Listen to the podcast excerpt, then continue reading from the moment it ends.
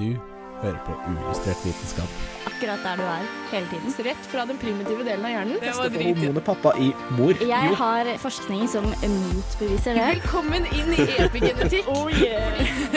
Den, okay. Den var bra. Ja, Jeg har prøvd, og det er litt vanskelig. Det som er litt interessant, er at Tyngdekraftsfobi. forbi Det var en veldig bra fun fact. Og det var godt vi var gode på noe, da. Flink. Ti poeng. Jeg gleder meg til å vitenskape med dere. Hvorfor trenger vi egentlig biene? Og kenguru? Kan vi kvitte oss med edderkopper uten at det får konsekvenser? I denne ukas sending snakker vi om biologisk mangfold. Hva er biologisk mangfold? Og hvorfor er folk så sjukt opptatt av at det skal opprettholdes? Velkommen tilbake til Uillustrert vitenskap her på Radio Revolt. Det er sykt digg å være tilbake. Oh yeah. Mitt navn er Arian, og med meg i studiet i dag så har jeg Katrine? Martine? Og Kristine. Og i dag så skal vi snakke om biologisk mangfold. Yeah. Ja, det er et kjempeaktuelt tema. Uh, og jeg har gledet meg kjempemye til dette her, og den er dypt inspirert av mitt idol, David Attenborough. Det er sant. Så, så, så inspirasjonen kom fra en, eh, en kveld med David Attenboroughs eh, stemme på hjørnet Nei, på øret. En liten, et lite glass med noe rødt i og en bit sjokolade, liksom. Det var det, Ja, det er sånn, her dette stammer fra. mer sånn David Attenborough and chill, men uh... Ja, men jeg vil jo si at Hvis uillustrert vitenskap måtte, var en religion, da, så hadde David Attenborough vært en annen gudene våre. Det skal sies. Jeg tror vi hadde hatt mange guder, men Ja. David Attenborough hadde vært en av dem. Han har en veldig behagelig stemme å høre på også, så jeg, jeg, jeg forstår deg dypt. ja. Absolutt. Men uh, vi skal, før vi går videre på biologisk mangfold, så har jeg litt lyst til å vite hva som er nytt i forskningsverdenen i dag. Uillustrert vitenskap presenterer Forskningsnytt.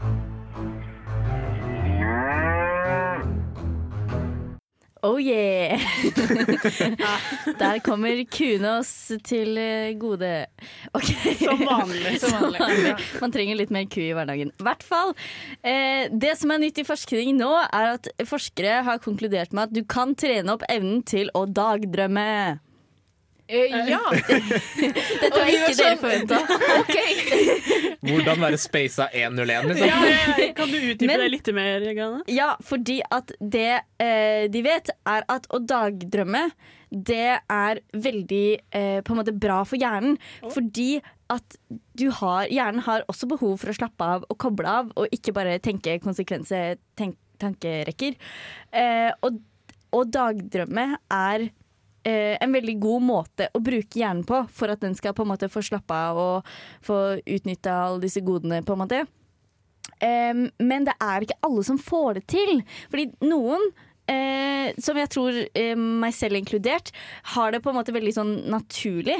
Eh, Jeg kan veldig lett dagdrømme, og det er iblant sånn irriterende fordi at du faller ut av ting som du egentlig skulle fulgt med på, fordi at du har så mye tanker i ditt eget hode som er en helt plutselig er på danskebåten, ikke sant? Ja, jeg skjønner meg men egentlig er det forelesning og ja, Oi, typisk. shit. Jeg er skikkelig dårlig på det. Oi. Jeg dagdrømmer aldri. Det er sånn, jeg, kan, jeg gjør en ting, og så gjør jeg neste ting. Og så gjør jeg neste ting. Og, og så gjør vi det.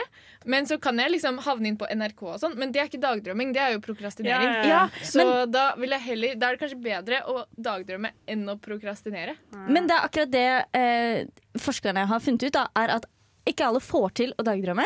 Og det krever mye både kreativitet og innlevelse. Eller det krever på en måte ganske mye av hjernen for at du skal få det til. Og det er ikke eh, helt på en måte intuitivt, da. Av hjernen i seg selv å bare gå til dagdrømming. For noen er det det, som for meg selv. Det er ikke sånn at jeg har øvd på det. Men de som ikke det faller naturlig for, de kan trene det opp. Blant annet ved at man begynner med å på en måte bli veileda. Sånn, du skal tenke på det her, du skal tenke på noe fint. Skal, og så får du på en måte et konkret scenario. Og så ut ifra det så kan man på en måte klare etter hvert å komme på ting selv. Men um, ja, så det er egentlig um, Hele pointet med dette, denne forskningen er at dagdrømming er bra, og uh, de som gjør det fra før, burde fortsette med det. Og de som ikke klarer det, de kan trenes opp til å klare det. Ja, men ap apropos de som ikke klarer det. Jeg håper virkelig ikke at uh, piloter og bussjåfører øver seg opp på dagdrømme. Fordi jeg ønsker ikke at de skal se grønt og lilla. Du hører Purple and Green av Benedict her på Radio Revolt. Det var far out. Uillustrert vitenskap. Du hører på Illustrert vitenskap her på Radio Revolt. Eh, vi skal snakke om biodiversitet. Eh, hva er det? ja, først, først og fremst, hva, hva, hva er egentlig What det is her? this phenomenon? Det er jo et uh, meget godt spørsmål som du stiller, Arian. Uh, det er også et veldig stort spørsmål. Ja. Hei, velkommen til min TED-talk. Nei. Eh, eh, biologisk mangfold er jo mangfold av levende organismer. Og det betyr jo ikke bare dyr og insekter, men det betyr oss mennesker, det betyr planter, det betyr økosystemer. Det er kjempestort tema, ikke sant? Og derfor også ekstremt komplekst. ja. Yeah. Og eh, alt sammen hører jo liksom sammen. Men samtidig så er det også vanskelig å vite hva som er avhengig av hverandre. Ja, fordi alt er jo på en måte utvikla som én samtidig, eller simultant. ja, det er som en stor sånn floke med hår. At det, at det går på en måte Alt går inn i hverandre, og du Ja. vet på en måte ikke hva som skjer om hele bare faller sammen hvis du drar ut et hår. Ja, det er det. Ja. Når du sa det først, så så jeg for meg liksom masse arter i håret. det var derfor jeg fikk litt sånn der eh, brain fart. Husk å vaske håret, barn. Ja. Og eh, selvfølgelig, det er jo ikke bare på en måte arter, sånn vi skal ha eh, pattedyr, og vi skal ha fugler, og vi skal også ha forskjellig mangfold inne i artene, da. Sånn at uh, vi klarer å få sånn uh, diversity. Nå ble Ja, at du mangfold. snakker om eh, genetisk mangfold. Ja, Eh, og fordi eh, nå er jo Nå snakker man jo veldig mye om Før så brukte man jo dette med hvordan ting ser ut til å klassifisere arter. Mens eh, nå har man begynt å bruke det, eh, genetikken til å klassifisere arter. Og eh, det, det man ser, er at både hvor, at ting er annerledes i hvordan de ser ut, er like viktig som at det er annerledes i genene sine. da. Ja, ikke sant? Og veldig kort fortalt så er det sånn Det er viktig å ha genetisk variasjon, for ellers så driver man egentlig med innavl på alle plan. Ja, Og det er jo et problem. Fordi da blir du innavl er et problem. Jo, jo men, jo, men det Ja, er ja. ikke et ulovlig Altså Det er ikke fordi det er ulovlig hos mennesker, men det er, altså, det er en grunn til det. Og det er jo fordi at man blir mer utsatt for sykdom. Og det er jo derfor sånn evolusjonsmessig at uh, Ja, mangfold er bra. Det er derfor vi har mangfold innenfor artene, og vi vil ha eh, alle på en måte, økosystemer og planter og liv, fordi det er jo det som eh, gjør at vi får ren luft, det er det som gjør at vi får drikkevann. Det er, måte, det er jo en syklus her ikke sant, i alt sammen. Men eksempel en type art, da, hvorfor skal vi beholde akkurat på en måte, en type bie, eksempel? Hvorfor, Hvorfor kan skal du forbli? Det hørtes ut som en sånn. X-faktor-spørsmål. Ja, ja. Hvorfor skal du komme videre til finalen? For jeg har veldig veldig lyst til å bestå! Martine, hvordan kan du bidra til denne verden? Ikke sant? Det er litt sånn, da. Jeg skal bestøve alt. Ja. Ja, Uh, og det er på en måte et, selvfølgelig igjen et stort spørsmål, og det har på en måte to sider. Da. Den ene er jo på en måte litt det etiske bak det. Sånn, hva, hvor, hvilken rett har vi som mennesker å på en måte utrydde en art? da? Hvorfor skal vi ha muligheten til å gjøre det, og hvorfor skal vi bestemme det? Kanskje generasjonen etter oss ikke hadde lyst til å gjøre det, på en måte. Så det er veldig på en, måte, en sånn måte å se på det. Uh, I tillegg så er det jo selvfølgelig hele dette med at eh, det er ekstremt mye vi ikke vet om alle artene i hele verden. Så med at vi fjerner én art, så vet vi ikke uh, helt ringvirkningene til den arten, f.eks. Og i tillegg så kan den arten også uh, være svaret på kanskje en kreftvaksine, holdt jeg på å si. Det er ikke noe som heter, men en kreftkur. Uh, og kanskje en art som ble utrydda for noen mange år siden, kunne vært for å hjelpe koronavaksinen mye raskere og mye bedre. Men det vet man ikke. Så det er derfor, hvis vi ikke bryr oss noe om arter og bare tenker å ja, men du har ikke noe påvirkning akkurat nå, men kanskje det har kjempestor påvirkning om ja, ti år, da. Ja, ikke sant? Altså, veldig mange av medisinene vi på en måte forsker på, sånn, helt nye medisiner, de tar jo egentlig utgangspunkt i arter som lever eller har levd, og på en måte deres e- egne naturlig produserte ferskvarer, skal jeg heller si. Proteiner og stoffer. Ja. Men også det med at eh, vi ikke vet. Det er jo sånn Man regner med at vi klass har klassifisert kanskje 1% av det som fins Ja. av, mikro, eh, av levende ting Ja, i verden i dag. Og det er veldig lite. Menneskeheten er rett og slett for dum til at vi skal begynne å utrydde andre ting, fordi vi vet jo ikke noen ting. Ja, og det er der liksom den rette bruken av føre var-prinsippet kommer inn. Da. At det, vi kan ikke tukle med det her før vi vet mer om konsekvensene av det. Fordi det har man jo sett tidligere, da, som vi skal komme tilbake til etterpå. At eh, når vi begynner å fucke med det, så går det så sykt galt. En Ja. liten endring kan bare tippe hele liksom, lasset. Det er det, og eh, selvfølgelig at arter dør ut, er jo en del av hele evolusjonen vår. på en måte. Det er jo en del av at vi skal komme oss videre. Men det man har sett nå, er at arter dør på en veldig unormal eh, hastighet. Veldig fort. Uh, og det er på en måte alle forskere er enige om at det her er ikke normalt at det skal skje så fort. Og nye arter eh, rekker på en måte ikke å komme til, fordi det tar så lang tid for at en art skal kunne klare å oppstå, da, rett og slett. Eh, og i tillegg så eh, mister vi arter så fort at vi rekker nesten ikke å registrere at de eh, blir utrydda. Og da går det altfor fort. Ikke sant? For dette er jo noe som er på, på måte, skalaen århundrer til årtusener. Ja. Det er ikke noe som skjer liksom, mellom generasjon til generasjon. Nei, nei, nei. Og, og hvis du på en måte skyter noe før det på en måte rekker å få barn å utvikle seg, så er det jo naturlig at du ikke får den utviklingen. Sånn. Ja, og det er ikke så lenge siden de oppdaget en ny snei snegleart i Trondheimsfjorden. Det er kjempegøy. jo, men sånne ting da, at, eh, Jo, men sånn I gamle dager så kunne de reise ut på en ekspedisjon og finne 1000 nye arter. Mm. Eh, og vi tenker ofte at den tiden er forbi, Ja. men det meste av liv er fortsatt ikke klassifisert. Ja. Så derfor så kan du da dykke i Trondheimsfjorden og finne en snegle som ikke har blitt eh, klassifisert før, fordi sånne ting eh, Altså, vi vet fortsatt så lite at sånne ting kan skje med vanlige folk, da. ja, Du trenger ikke også være helt uh, sjuk for å finne ut av sånt. ja, Helt sjuk i huet. Nei da. Men sånn veldig nerd eh, forsker, da, på en Ja. måte. Og så er det også bare hele det spindelvevet med hvordan alt henger sammen. da. Eh, vi, er, vi har fortsatt kjempemye igjen å forske på det, og på en måte se hva som hører til hva, og hva som har uh, sammenheng med hva som. Det høres ut som tidenes utflukt vi skal på. Ja, Og det skal vi virkelig. ja, og nå er det sånn Vi må rett og slett bare godta at vi ikke vet så mye. Take it or leave it. Her på Radio Revolt. Hva er den lille prikken oppe i himmelen der? Er det en fugl? Er det et fly? Å, faen, Det er meteor! På uillustrert vitenskap. Velkommen tilbake til Uillustrert vitenskap her på Radio Revolt. Du hørte Hedda May med Take it or leave it. Nå skal vi snakke litt om det historiske aspektet ved biodiversitet, og hvordan ting har utviklet seg her på jorden. Fordi vi mennesker vi liker å tenke på oss selv. Absolutt. Absolutt. Og, og måte, det at vi gjør det, gjør at vi nesten må se all utvikling som har skjedd på jorden siden vi ble en veldig dominerende rase, i lys av vår utvikling. Eh, hvor, vil, hvor, hvor, vil du nå, egentlig? Skal du, skal du komme med en liten sånn personlig anekdote, eller? Nei, vi skal gå tilbake til historien. Arians reise i biodynamiteten. Ja, nei, jeg tenker vi starter helt uh, Vi kan starte først på starten av der menneskene oppdaget at mangfold var en ting. Fordi først så gjorde man ikke det.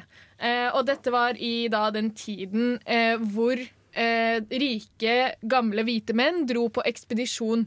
Eh, for å eh, gjøre stas på seg selv og på landet sitt. Fordi de oppdaget mange nye arter, og det er kult. Og stas. Skikkelig Eh, prestisjegreier. Ja, dette var, en- dette var en prestisjesport, nesten. Altså, nå legger jeg litt Altså, nå tar jeg litt i, da. Men det var jo det det var. Altså, dette var en konkurransepreget sak. Og det var rike mennesker som gjorde det. Rike menn med eh, akademisk utdannelse, som mange rike menn gjerne hadde på den tiden. Em, og så skulle de da beskrive det de så. Og da har de tegnet, og de har eh, greia, eh, laget masse greier. Og så har de skrevet da artikler publisert i tidsskrift, sånn som man gjør i dag. Ja. Og så var det noen folk som gikk litt tom for ord. De var sånn OK, når du skal beskrive det her, så Altså, det er bare, det er ikke bare artene i seg selv, men det er hele mangfoldet. Og da, og da begynte man å bruke det. At det, det som er spesielt med dette området, er at det er, stor, altså det er et stort mangfold. Eh, ikke det at det, denne arten fins og denne arten fins, men at alle sammen er her sammen. Variasjonen. Ja, Og da ble det begynt å bruke som et begrep. Da, tidlig på 1900-tall, liksom. Ja, så de dro nesten bare på harrytur og så bare sånn Ei, sjekk hvor mange forskjellige ting vi finner her, da. Lættis. Jo, men Hvis du sånn. går i biologiens historie, så er det mye av det. altså. Men vi kan starte helt på starten igjen, eh, på der hvor livet oppsto. Det er ca. 3,4 på engelsk billion, jeg vet ikke hva det er. på- Milliarder. Milliarder. milliarder år siden. Eh, og eh, da begynte det jo med én celle, sannsynligvis. Eller kanskje én celle på mange forskjellige steder av jorda. Ingen vet. Ja. Em, og da, det er da vi hadde mest liv, sies det. Mest mangfold. Helt på starten. Av mest forskjellige arter, på en måte? Eller? Ja, mest oh. forskjellige arter. Og siden da så har det gått nedover, da. Ja, okay. Ikke sant? Men eh, det er veldig rart at eh, så tidlig på starten Man skulle tro at det gikk motsatt vei. Mm. At du hadde en eksponentiell kurve, og det hadde du sannsynligvis også. Men eh, at det, det også siden da har gått nedover, da. Eh, også kanskje fordi at evolusjonen altså Det er ikke alt som passer. Man prøver litt, og så passer det ikke inn i miljøet sitt. Eller Og så dør du det ut sakte, men sikkert. Og så dør det ut. Eh, men det er i biologiens natur å være ulik. Ja. Altså, Det er et mål i biologien. Det er en evolusjonær fordel å være ulik. Em, det er derfor kjønnetformering ble en ting. For, Ja. for at du skulle på en måte ikke dele deg i mange kopier, men altså, du måtte finne noen som var ulik som deg. Så måtte dere blande gener, få mange barn med litt forskjellige For å få gener. nye kombinasjoner, ja. Ja, Ja, For å få nye kombinasjoner, for at man ikke skal dø ut av sykdommer. da. ja, det er jo Um, for å være mer rusta mot uh, Hva er det det heter? At man blir sånn eh, ja, Resistent, på en måte. Nei, det var ikke, det var egentlig ja, Jeg skulle være glup nå, men nå jeg husker det ordet. Men, Ja, sånn, men som. tilpasningsdyktig! Ja, Der, der, ja. der har vi det. Det er viktig å bli. Og det blir man, fordi da, man blir mer og mer tilpasningsdyktig hvis man kan eh, endre litt og litt liksom, genene sine. Da. Mm, men sånn, da skulle man jo trodd at man ble flere og flere arter da òg. Mm. Men så det ser man gjerne gjennom jordas historie, da, at du får en økning i antall arter.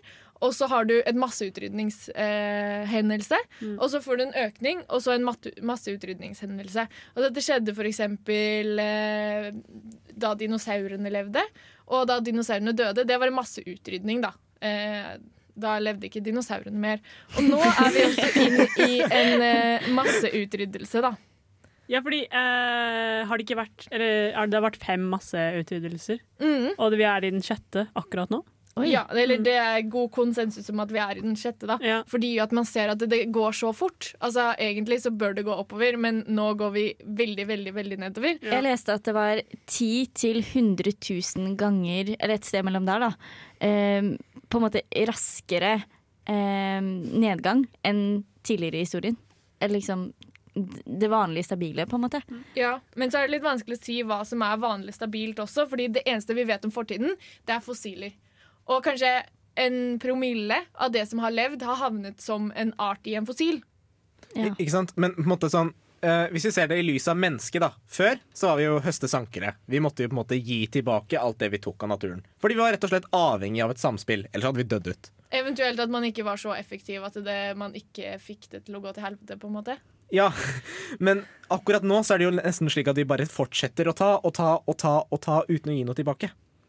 Men vi ga jo ikke noe særlig tilbake. Altså, Du spiser den mammuten, og du ga ikke en mammut tilbake igjen til verden, på en måte. Ja, men du dør, ikke sant? Og så ble jo du gress, og så tok mammuten og spiste det gresset som da var kroppen din. Men at det går for fort, er det det du mener? At uh, vi, har blitt, vi har rett og slett blitt for effektive i vår høstesankementalitet. For det er jo det. Altså, tenk på fisking, liksom. Det er jo bare å håve fisk opp av havet. Ja, Og før så var det litt sånn Ja, da drev du ikke og avskogde Amazonas, på en måte. For å få tak i den ene bananen. Nei, og det er jo det du har kommet til det som er roten til problemet i dag, da. Og eh, det er jo et problem som Altså, det med mangfold er jo et problem som vi har blitt oppmerksom på samtidig som det har skjedd. At eh, vi har på en måte stått for utryddingen samtidig som vi har på en måte eh, oppdaget at eh, mangfold er en ting, og at vi utrydder det. Så det er på en måte at du oppdager at du er på et kjørende tog mens du sitter på toget. Ja, Litt for seint, altså. Ja, det er litt for sent, men samtidig, det er jo en pågående prosess, og man må jo altså ja, Men det sier jo litt om hvor lite vi vet om verden, da, og hvor lite vi vet om biologien. Absolutt. Og vi skal snakke mer om situasjonen etterpå. Du hører Why Are We Still av Kalena. Fornybart. Jeg vil ha enda mer. Ren energi. Det må jeg si var helt OK. Karbonnøytral produksjon. Parisavtalen. Fantastikk. Bærekraftig utvikling. Å, det er akkurat det jeg vil ha! Resirkulering. Ja! Du hører på Uillustrert vitenskap på radio Revolt. Velkommen tilbake til Uillustrert vitenskap her på Radio Revolt. Eh, nå skal vi snakke litt om ståa i dag. Vi snakker Ja. litt om hvordan den var før, men eh, hva, hva skjer egentlig?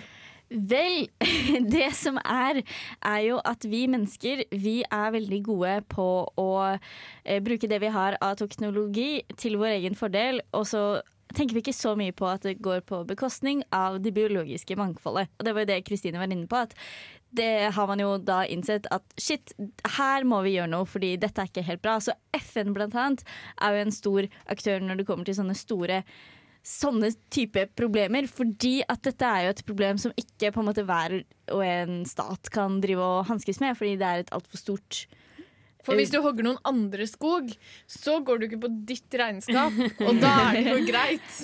Altså Man trenger jo på en måte samarbeide, og da trenger man FN som kan liksom holde folk litt Ja, i tøylene. Det er et Men internasjonalt problem. det er jo det.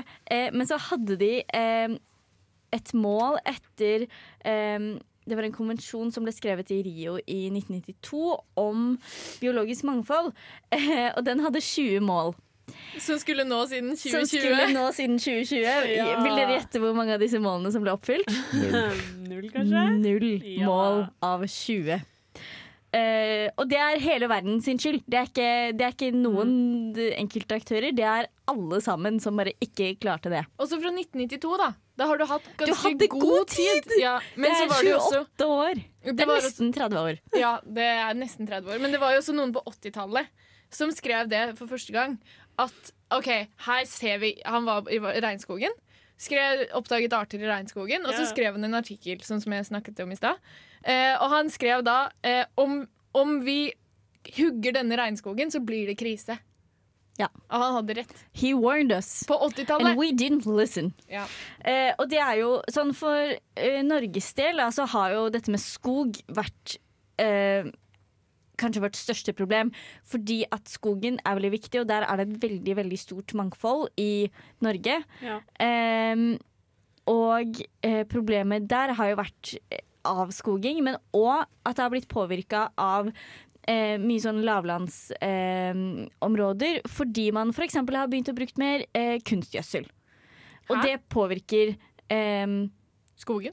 ja, det påvirker eh, på en måte Fordi dette er jo veldig Der hvor det er mye skog, er det ofte mye jorder. Jeg er fra Hedmark, og vi har begge deler i fløst.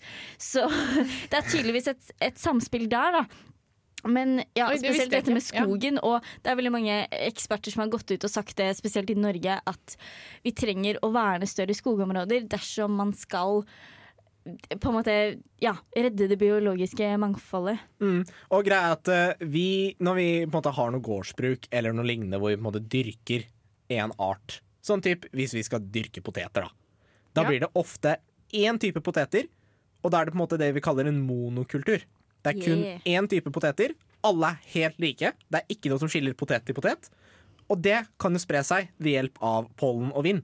Og da kan jo det invadere de kulturene som allerede eksisterer i skog eller andre områder. Og det kan jo på en måte ha ringvirkninger som er veldig problematiske. Og det er gøy. Eh, Har du, har dere, ok, så NRK har en sånn liten sånn eh, film eh, om noen som prøver å lage et gårdsbruk med eh, eh, polikultur. Da. Altså flere, altså de har flere frukttrær, de har noe jorder, de har mange dyr. Ja. Mange forskjellige dyr. Og prøver å liksom på en måte lage et økosystem. Da.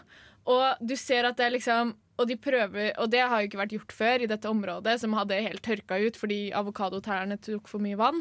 på en måte. Eh, og eh, du ser hvor vanskelig det er for dem da, å lage Altså på eh, kort sikt så møter de på problem på problem på problem på problem. Men på lang sikt så får de ganske gunstige eh, følger av det, da. På liksom selve hele gården, da, og hele liksom produksjonen til gården. Så det er jo en slags eh, korttidstenkning, da, som eh, vi har vært veldig glad i i verdenshistorie. Altså økonomien, for eksempel, er veldig glad i korttidsting. Ja, ja, Ja, ja. og så samtidig bare med eh, det behovet for effektivitet og liksom store kvanta. Og befolkningsøkningen krever jo stadig større kvanta. Og det er jo det som fører på en måte til at man har gått for en så hard monokultur. Men der ser man også at dersom man hadde eksempel i hele verden hadde eh, gått over til et plantebasert kosthold, så hadde man trengt halvparten av det arealet for å dyrke mat som man gjør i dag for å fø hele verden. Ja. Og det ville jo frigjort mye areal Til skog! skog eller til økosystemer og mangfold. Ja. Ja. Og det som er også det problemet med Som du sier, sånn, vi trenger jo uh, mer skog, på en måte, og stort areal med skog. Men det er jo ikke bare det. Vi trenger jo uh, gammel skog. Vi trenger urskog. For det er ekstremt mange arter som uh, de lever i den derre urskogen, som er flere hundre år gammel. Så selv om vi vokser opp en ny skog nå, så er det ikke de artene kan ikke bo der. Fordi de trenger døde trær. De trenger liksom den derre gamle skogen. Ja, så Svaret er ikke alltid å bare plante et nytt tre. Ja, det er det. Du kan ikke kompensere opp ved å plante nye trær. Nei, Nei. det kan man ikke. Og naturreservater har man jo sett som en veldig god løsning. Og bare på en måte fredning av områder og ikke sånn no fish zones og ja, det er jo en veldig god på en måte, løsning. Men det fins også ting du kan gjøre. Meg? Vil dere vite de? Ja. Eh, du kan kjøpe planter på hagesenteret ditt som eh, ikke er på en måte fremmede. Sånn at hvis du planter de i hagen, så forvirrer det ikke resten av området. Nice. Hva hvis jeg vil ha de inne? Da kan jeg plante hva jeg vil. Inneplanter går bedre. Synder du bort der, Kristine? Du kan eh, forbruke mindre, altså bare kjøpe mindre ting og reparere det du har. Ja, det er Eh, du kan slutte å kjøpe torv. Fordi torv er jo myr som er tatt ut av myra. Og den myra har en veldig viktig funksjon som karbonfanger. Og som eh, leveområde for dyr Ja. og planter. Altså, myr er et eh, biologisk mannfolds gullgruve. Nettopp. Altså, hvis du er en biolog i en myr, da er du glad. Og så kan du plante eh, trær som insektene liker, så de blir vennen din, fordi de dør ut, og det orker vi ikke. Eh, og så kan man spise økologisk mat fordi at Dette er jo en helt annen diskusjon, men for biomangfoldet så er økologisk bra i og med at da slipper du alle disse sprøytestoffene som ikke er noe bra for eh, mangfoldet. Jeg kjenner at jeg blir veldig oppløfta av å høre på dette her. Nesten så jeg, dere sender meg til månen av Chef Records her på radio. Revolt. Dette er eh, fysiker, programleder eh, og fire ganger norgesmester i morellsteinspytting, Andreas Wahl. Det skjønte du på den introen.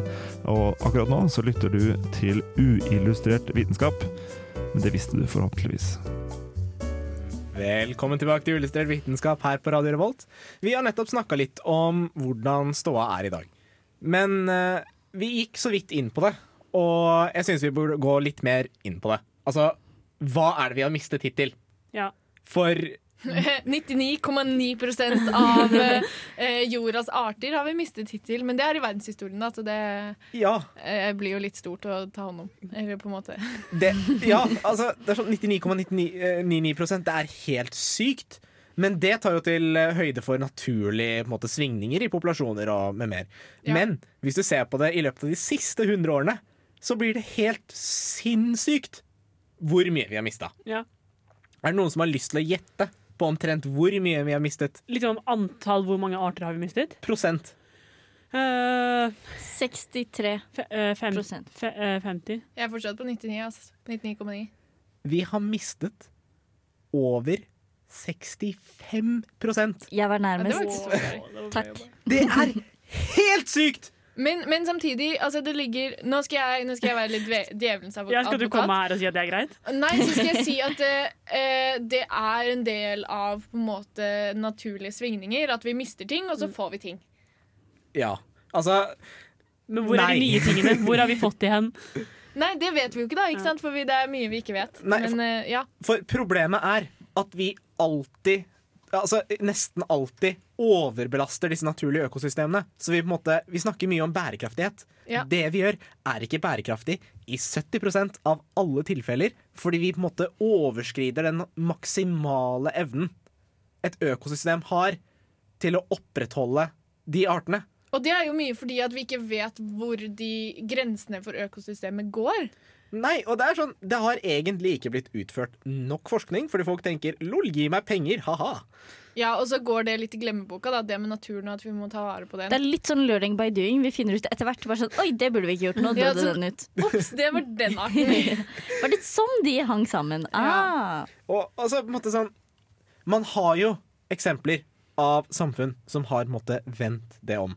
Altså, Man kan jo se til Costa Rica, der eh, landet for omtrent 40 år siden eh, Nei, eh, beklager. På um, halvveis gjennom eh, det 20. århundret så var tre fjerdedeler av landet skog. Ja. Det er ganske mye, På, På kort tid etter ble det nesten helt avskoget, men myndighetene ga faktisk lokale bønder altså sånn midler til å bidra til å på en måte få reversere den effekten ved å introdusere lokale arter tilbake til områdene de hadde fjernet. Og det hjelper! Og det hjelper faktisk. Og det hjelper! Costa Rica, kjempebra. Veldig bra biodiversitet. Jo, men det skjedde i Yellowstone også, faktisk. De eh, skøyt alle ulvene i Yellowstone. Eh, og eh, det gikk ganske dårlig med Og da begynte alle elgene, eller da eh, et dyr som ser ut som en elg, som ikke er en elg, eh, å å tråkke ned alle stedene. Sånn at du hadde en veldig stor Altså, det var ødeleggelse av naturen, rett og slett. Det ble bare gjørme overalt, og ikke så mye gress og sånn. Mm. Og eh, når de da fikk, tok, eh, satte tilbake en ulvene, så løste det seg skikkelig bra. Oh. Og det er, jo et altså, det er jo et eksempel på at det går, da. Absolutt. Altså, trikset ligger i å gjenintrodusere de lokale artene før de dør helt ut. Mm. For da, da dør de helt ut. Ja, det er sant. Man kan ikke på en måte man kan ikke, Det er ikke Jurassic Park. Man kan ikke akkurat lage en ulv eller en mammut. på en måte. Ennå. Men har du eksempler på arter som vi har på en måte eh, skulle gjerne hatt, men som vi aldri får tilbake ennå? nå? Dodoen. Jo jo, men sånn er det liksom ehm, Problemet er jo at vi vet jo kanskje ikke. Kanskje vi er en art som kunne gjort at det, aldri var kreft noen gang i historien, på en måte. Men vi vet jo kanskje ikke. Nei, så det er på en måte det at vi må ta vare på det vi ikke vet hva er, da.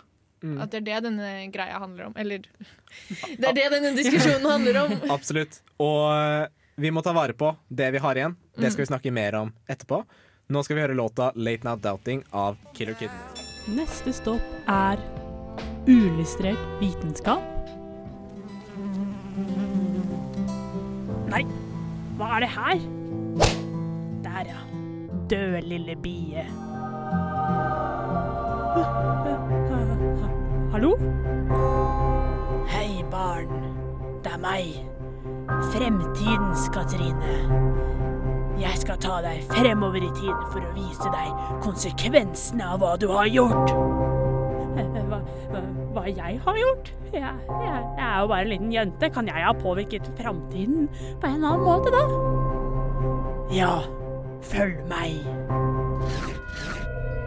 Nå er vi i år 2100. Se rundt deg. Ingen blomster. Ser du epletrærne i hagen din? Du vil kanskje ha et eple. Det er ingen som har polonisert treet, og du kan derfor ikke spise noen av favoritteplene dine. Velkommen tilbake til Illustrert her. Vitenskap på Radio Revolt. Eh, Um, det, var, det var Vi hørte fremtiden Ja, ja, ja. her. du, du hører på meg, jeg begynner å gråte. Vi, er, vi, vi skal gi dere fremtiden her på Illustrert vitenskap. Ja, Ja, eh, få og høre. Du snakket om fremtiden, og Ja. altså, hvis biene og andre pollinatorer blir borte, så må vi jo bruke hendene. Og det er bare ikke det samme når man bruker henda. Og det er slitsomt, fordi vi hadde chili i sommer, og da måtte du putte en q-tips inn i alle blomstene på chili. Det tok så mye tid, det. Wow! Ja. Det hørtes ut som en ganske heftig Ja, Vi vil jo ikke ha en sånn framtid. Eh, og som vi har kommet fram til nå, er jo at det er jo egentlig litt den framtiden vi går mot. Dette er en skremselspropaganda. Ja, eh, Skjerp deg, ikke drep biene, på en måte. Neida. Men det er mye vi kan gjøre for å redde det her. Sånn for eksempel eh, Vi kan jo gå for biene, da, fordi det er noe som er veldig snakk om eh, nå om dagen. Og det, er- jeg føler mange har litt sånn forhold til det også, da. ja, det med insekter da, sånn generelt. Ingen liker Ja. insekter, men vi har godtatt at vi, OK, vi må ha de da. Ja, liksom, vi sier hei til dem, men vi koser ikke med dem, på en måte. Eh, fordi det er veldig mange måter de dør på. For eksempel, det er jo selvfølgelig eh, klimagassutslipp og for eksempel slemme jenter som slår Mord. dem så de dør. Ja. Eh, men også at eh, de skal fly over for eksempel svære åkre. Hvis dere har sett humler, så er de veldig små, og så skal de fly over en hel åker. Eh, så eh, er det ikke så veldig mye forskjellige arter på den åkeren, og det er veldig eh, monokulturelt, da, som vi har snakket om. Eh, og da dør de rett og slett på den reisen der. Og er det derfor du får slitne humler i hagen din? Ja. Som du må gi sukkervann til? Jepp. Fordi de er kjempeslitne, øh, og de får jo Hvorfor gjort blir de noe. sliten? Fordi de ikke får næring. Ja, Se på den ja. store kroppen og de små vingene. Ja, det er noe, det er noe, det er noe. Så, men det de har gjort, da, er Hvis dere har lagt merke til at ofte på åkre så er det eh, langs kantene og sånt, så er det sånn blomsterhekker, på en måte. Med masse forskjellige blomster. Eh, sånn bare sånn Ja, i en stripe, på en måte. Det er for at humlene skal komme der, og så kan de chillaxe litt grann, og pollinisere dem og på en måte få næring. da. Og det kan også være på eksempel, en liten øy midt i en åker. Og det er ikke selvfølgelig bare for humlene, det er jo generelt for insekter da, som også skal fly gjennom eh, dette stedet. Eh, så det er jo uh, en veldig sånn grei måte å løse det problemet på. da. Flower power Ja. for en ny betydning. Ja, så Ja. det, blir, det er jo en viktig del av jordbruket den dag i dag, og det å lage faktisk noe til humlene, da. Ja, Det er stas. Og selvfølgelig, det påvirker jo med at eh, litt areal blir brukt av det, som ikke blir da brukt til å få ressurser i, i form av mat. Men selvfølgelig jeg vil jo si at konsekvensene for å bevare insekter er større enn Det det. blir mye mindre mat hvis vi ikke mm. bruker det arealet. Ja, måte. men det har jo ikke økonomiske konsekvenser for den personen som lager det jorda akkurat der og da, så jeg skjønner jo at det er noe som må reguleres. Ja, Og så er det som Martine snakka om, da, å stoppe å bruke sånn eh, eh, gift for å Hvis du har bladlus, for eksempel, så tar du gift, og så ødelegger du, eller dreper, da, andre insekter. Og det du da kan gjøre istedenfor, er å ta sånne eh, parasitter som da eh, bare spiser bladlus. Og så putter du de inn, og så spiser de bare bladlusen istedenfor å drepe alle mangfoldet der som er der. Ja, som for eksempel marihøner. De spiser bladlus. Ja, ikke sant? Ikke sant? Det er liksom samme konseptet. Ikke bruk en atombombe når du skal sprenge en bygning. på en måte. Ja, det er veldig mye med det at det er egentlig veldig mye løsninger vi har for problemet i dag. Det er bare folk har ikke helt sett de, da. Ja. Mm. Nå fikk jeg noe å tenke på. Nå ble Ja. helt sånn Ja, men det er, og det er, det er kjempe, det er enda Det er masse uh, eksempler på det her. Eh, for eksempel når man dro til Australia, så ble det en kaktus med som de ikke ville ha. Uh, og da fant de ut at det var en type møll som hvis de la egg i den kaktusen, så spiste de opp kaktusen når de ble født. Og da utrydda den kaktusen helt fullstendig. Så de bare putta alle møllene oppi kaktusene? Wow! Ja, ja, ja. Og Så vi kan faktisk tukle med naturen for naturens beste? Nettopp. Shit, fordi jeg, jeg lurer på en ting. Ja. Altså, Hvis vi skal ta tak i dette, går dette på bekostning av vår moderne levestil? Det, sånn som med åkrene, så er det jo selvfølgelig det at eh, det gjør jo at man får eh, mindre ressurser. Men forskere, i hvert fall i dag sånn, jeg, kan jeg er jo ikke ekspert på det her, men det sier at det ikke skal gi konsekvenser for oss. At egentlig så handler det bare om eh, bedre bruk av arealet. F.eks. å ikke eh, hogge ned skoger nå, men heller se hvilke skoger er det som allerede har blitt hogga ned. Og hvis vi skal bygge et nytt senter, prøve å bruke en tomt som allerede ikke er, tom, i bruk. ja. på en måte. Ja, det å liksom se, vi har faktisk ressursene til å leve et moderne liv som vi har i dag. Så bra. Vi trenger faktisk ikke å gi opp på det vi har i dag. Og vet du hva, det, det er en veldig god gladnyhet på en fin tirsdags ettermiddag. Um, akkurat nå så er det viktig at du må focus on you, låta av Isabel Everdeen, her på radio Revolt. Jeg heter Bya, jeg er marinbiolog og faglig leder i Passion Frosion, og du hører på Uillustrert vitenskap. Tusen takk for at du har vært med oss på dagens sending av Uillustrert vitenskap her på Radio Revolt. Vi har snakket litt om biologisk mangfold og litt sånn om diversitet, og også litt om hvordan det har vært tidligere, men også hvordan det har utviklet seg til i dag, hvordan situasjonen er i dag, men også litt sånn Fremtiden. fremtidsutsiktene. Nettopp. Jeg, jeg syns i hvert fall det har vært et kjempespennende emne, og jeg har lært veldig mye. Enig.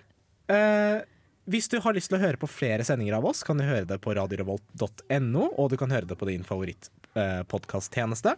Gi oss gjerne en like på Facebook eh, og Insta. Følg oss. Stalk oss gjerne om du vil. Send oss meldinger! Det vil vi ha. Og mail om du ønsker en sending om et bestemt tema.